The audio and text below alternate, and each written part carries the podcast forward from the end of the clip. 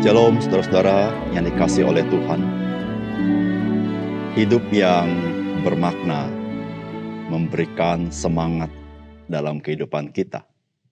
Namun hidup yang tidak bermakna membuat kita kehilangan seluruh impian kita dan cita-cita kita.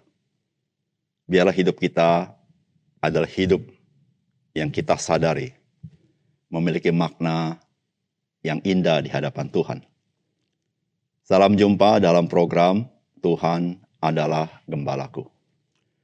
Saudara, berapa banyak orang di dunia ini merasa bosan di dalam kehidupannya? Saudara, berapa banyak orang melakukan sesuatu secara rutin sehingga kehilangan arah dan kehilangan spirit dari apa yang dia kerjakan. Saudara termasuk kita sebagai orang-orang percaya bisa terjebak di dalam dua hal ini. Termasuk dalam hal kita melakukan kegiatan-kegiatan yang kita sebut sebagai kegiatan rohani. Antara lain misalnya kebaktian, berdoa, merenungkan firman Tuhan, dan lain sebagainya, termasuk pelayanan. Saudara, semua ini terjadi karena kita sudah melakukannya sebagai sesuatu yang biasa. Sehingga kita kehilangan berkat dari apa yang kita kerjakan. Saudara, masihkah hal-hal tersebut memiliki makna yang memberkati kehidupan saudara? Mari kita membaca firman Tuhan dari Lukas pasal 5 ayat 33 sampai 39. Orang-orang Farisi itu berkata pula kepada Yesus, murid-murid Yohanes sering berpuasa dan sembahyang. Demikian juga murid-murid orang Farisi. Tetapi murid-muridmu makan dan minum. Jawab Yesus kepada mereka, Dapatkah sahabat mempelai laki-laki disuruh berpuasa? Sedang mempelai itu bersama mereka. Tetapi akan datang waktunya apabila mempelai itu diambil dari mereka. Pada waktu itulah mereka akan berpuasa. Ia mengatakan juga suatu perumpamaan kepada mereka. Tidak seorang pun mengoyakkan secari kain dari baju yang baru untuk menambalkannya pada baju yang tua. Jika demikian, yang baru itu juga akan koyak, dan yang tua itu tidak akan cocok kain penambal yang dikoyakan dari yang baru itu.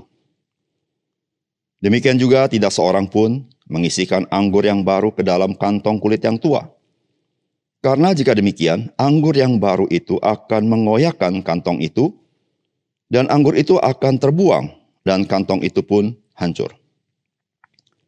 Tetapi anggur yang baru harus disimpan dalam kantong yang baru pula.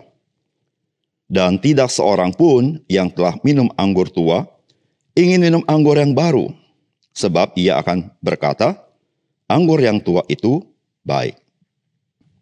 Saudara yang dikasih oleh Tuhan, Orang-orang Yahudi pada zaman Tuhan Yesus memiliki sebuah kebiasaan religius, yaitu dalam hal berpuasa.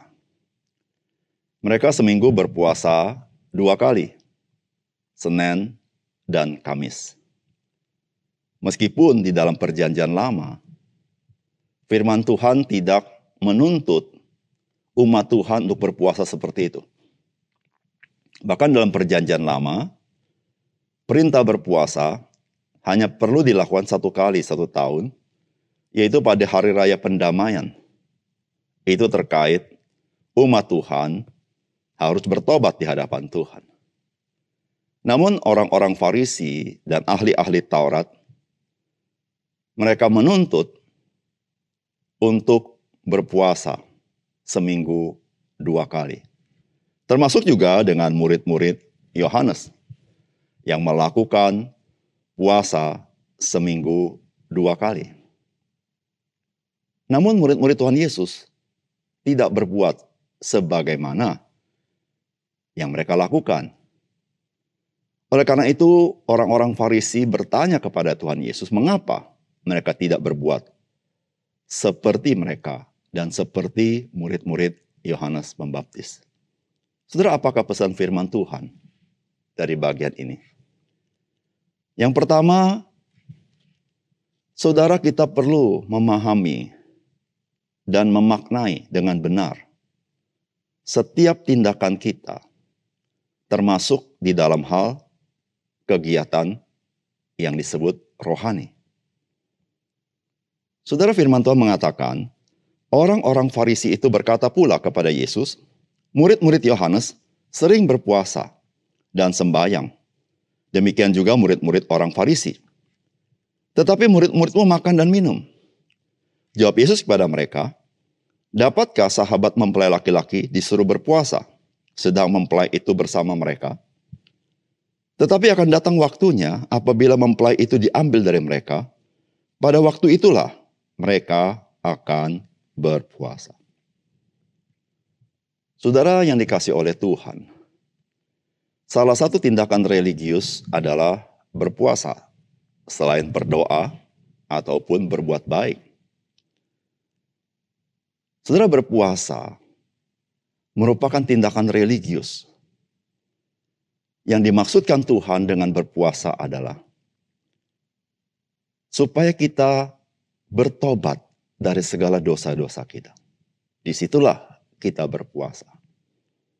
Namun pada zaman Tuhan Yesus, berpuasa menjadi sebuah kegiatan religius yang rutin dilakukan. Saudara tidak ada salahnya kita mempunyai kebiasaan melakukan tindakan-tindakan religius. Namun yang menjadi masalah adalah ketika tindakan itu sudah dilakukan dengan biasa, maka yang dilakukan hanya puasanya, namun tidak ada pertobatannya. Yang dilakukan hanya puasanya, namun tidak ada duka cita atas dosa-dosanya. Saudara dalam zaman perjanjian lama, maka orang-orang yang berduka cita atau sadar akan dosanya, dia secara sukarela melakukan puasa di hadapan Tuhan. Karena dia berduka cita. Dia tidak makan. Seperti Raja Daud ketika dia jatuh dalam dosa. Dia menunjukkan penyesalan dan pertobatannya. Saudara ketika Tuhan Yesus ditanya mengenai hal berpuasa.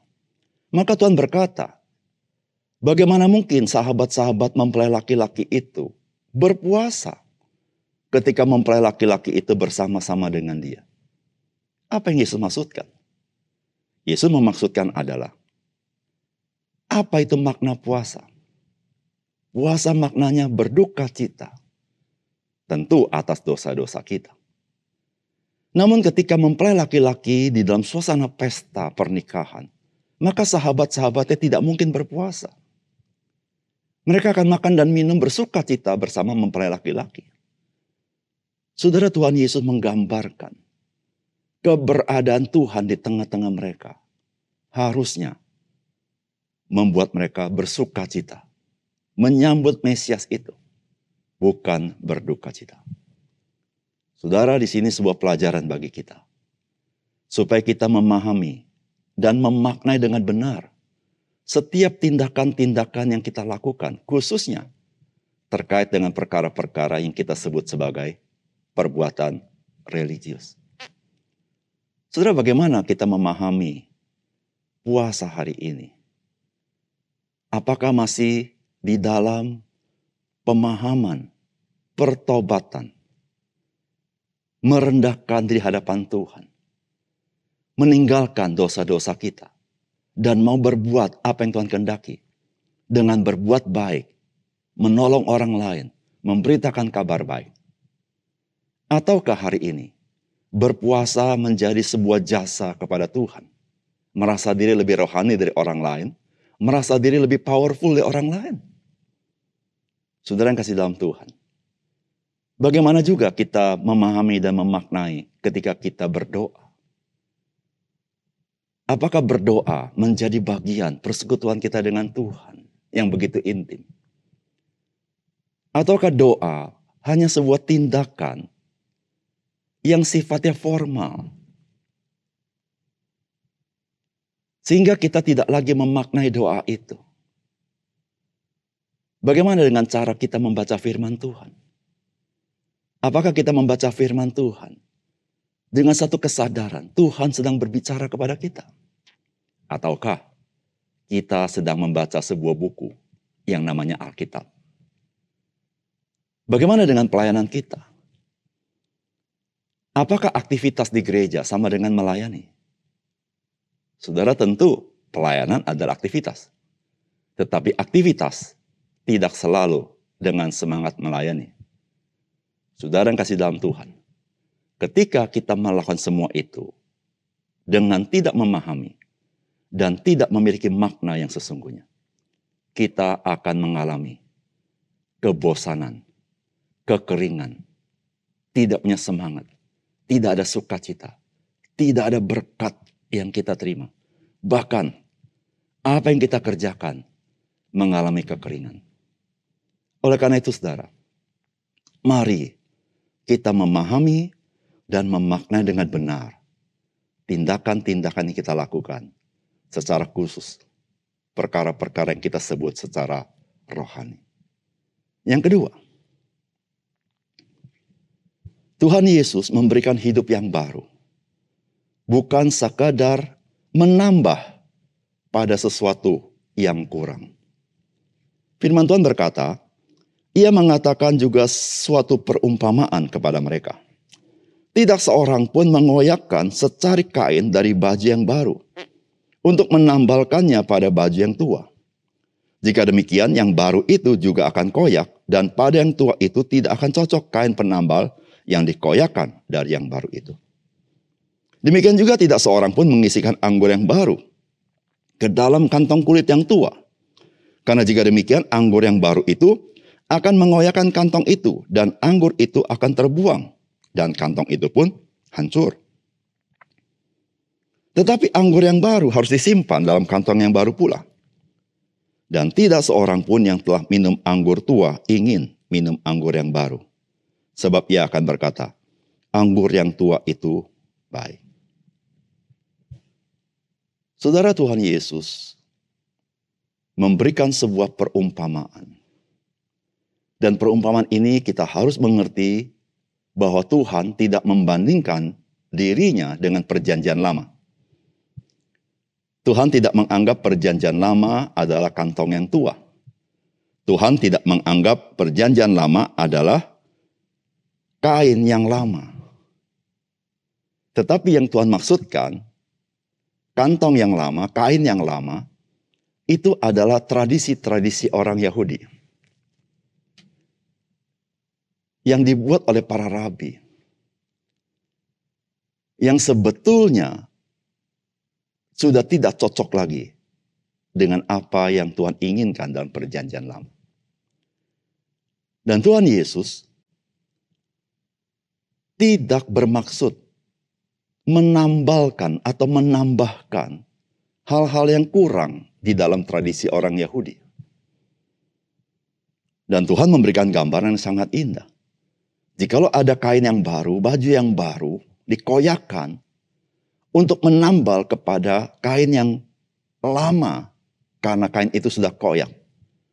Maka kain tambalan itu akan mengoyakkan lebih parah kain yang lama. Dan kain yang baru juga koyak. Demikian juga dengan anggur yang baru. Tidak boleh ditaruh di dalam kantong kulit yang lama. Karena kantong kulit yang lama dia akan rusak. Dan anggur yang baru akan terbuang.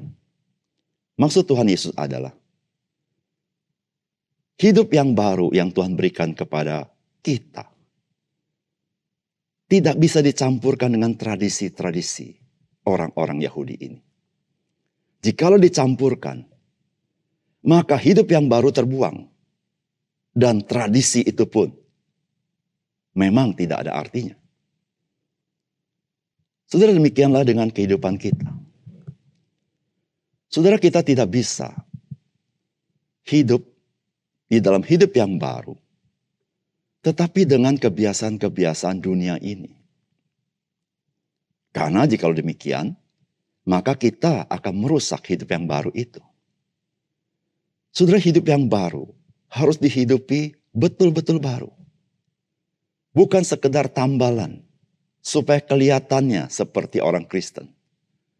Tapi sungguh-sungguh hidup yang baru itu ada di dalam Kristus.